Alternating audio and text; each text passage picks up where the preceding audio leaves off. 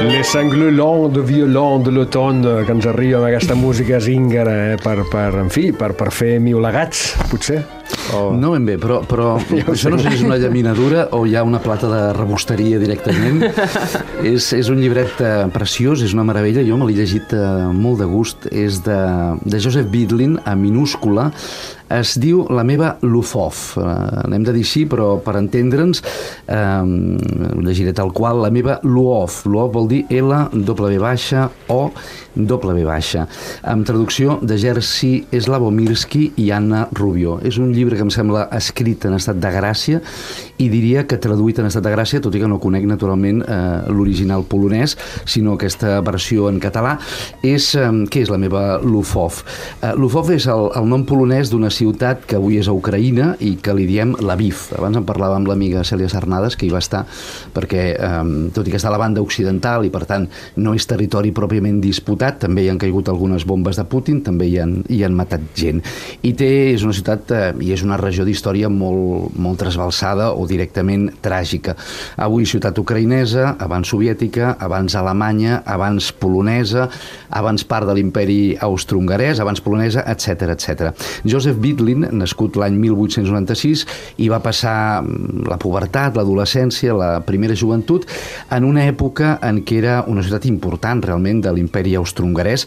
El títol era capital del regne dels Habsburg, de Galícia i Ludomèria i del gran ducat de Cracòvia, del ducat de Zator i del ducat d'Auschwitz. I aleshores el, el, el narrador es desdobla i diu, què diu ara d'Auschwitz? Doncs sí senyor, d'Auschwitz quan sentim aquesta paraula, avui en dia en venen basques. El llibre està datat l'any 46 a Riverdale, a Nova York, això vol dir um, Auschwitz, com aquell que diu, i que se'n permeti la metàfora encara fumejant, amb Europa absolutament en ruïnes, amb tot allò que ell havia conegut, eh, Joseph Bidlin arrasat, aquella comunitat jueva, també la mateixa comunitat polonesa, és a dir, també els, els gentils també els van fer fora perquè, perquè es va um, sovietitzar, i, és clar, això dona, dona per, una, per una tragèdia. És una tragèdia, però la versió que fa o la literatura que en fa Bidlin és una literatura des de l'humor. Um, ell diu que, que això és una mena d'avantpassats. Avantpassats, i això ens ho expliquen en una nota a peu de pàgina els traductors, és el nom d'uns antics rituals que feien els pobles eslaus per honorar els morts. I el que fa Bidlin és convocar molts morts, convocar moltes ombres, no?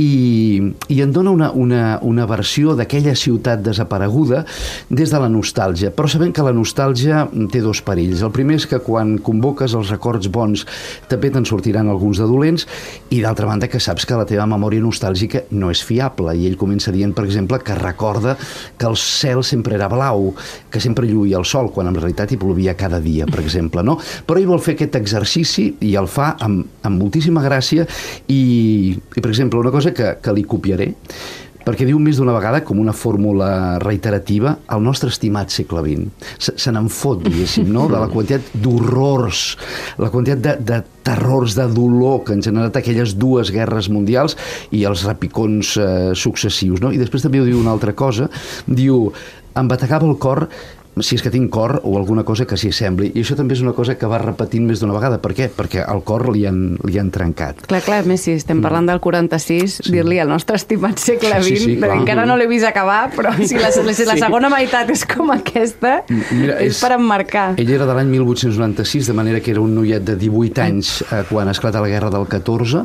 i és la gran guerra que es quedarà petita amb, quan esclata sí, sí. la segona guerra clar. mundial. És a dir, imagina't aquella, era ja... imagina't aquella, aquella generació generació o, o aquelles generacions. I, I el que deia, no? va convocar nombres, recorda, recorda catedrals, cafès, farmàcies, locals de patacada, en diu, pastisseries, però també policies, lladregots, llibreters, poetes, tipus estrafolaris, tipus tocats del bolet. Una altra mostra d'humor, per exemple, un sastre que diu que era un mestre a l'hora de girar de l'inrevés la roba ratada i treure'n les llantes. I diu, una vegada li vaig portar la meva consciència, perquè havia detectat algunes taquetes, però en Solansky, no cal dir que el sastre, no va aconseguir netejar-les. En fi, és, eh, és una preciositat i com a mostra última eh, d'aquest humor, si em deixes, David, llegiré una, un, un paràgraf perquè ell ja ha perdut tota esperança de tornar-hi, de tornar al que ja no és Polònia, de fet és mhm. Ucraïna, de tornar a la seva Lufov. Um, després la dona i la filla, quan ell mori, sí que hi podran tornar. Per cert que la, la, la, la filla està afincada a, a Madrid. Bé, i diu, no hi podré tornar segurament, però sí que m'agradaria que potser algun dia m'hi dediquessin un carrer. Diu, llegeixo, Diu, i no em refereixo a un carrer principal amb palaus, bancs, jutjats, calabossos, escoles, cambres de comerç o banys turcs. Déu me'n guard. En tindria prou amb un carreró petit sense clavegaram, un carrer de 10 números a tot estirar, un atzucac estret a prop del Castellal, com ara el carrer Sienava. Al capdavall, què costaria rebatejar el carrer Miodova com a carrer de Joseph Bitlin? Que els nets dels meus coetanis, uns joves gens sospitosos de llegir els meus textos, coneguin el meu nom, encara que només sigui pel carreró que faran servir per lliurar-se als plaers terrenals i, com diu la gent d'aquí, tenir a good time.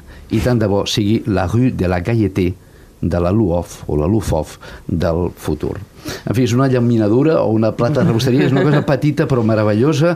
Um, molt agraït a, a Jerzy Slavo Mirski, a Anna Rubió, a la Valeria Bergali, mm, um, que tenen un altre títol, aquest en, en castellà, que es diu La sal de la tierra, que diu que és una sí. novel·lassa. Tu l'has llegida, Miri? No, no, no, no, però la tinc present perquè crec que, no, no sé si va ser la, la Valèria mateixa o o algú altre que me la va, me la va recomanar molt. Mm -hmm. doncs, doncs afegim aquesta, aquesta recomanació. Perfecte, gràcies, David.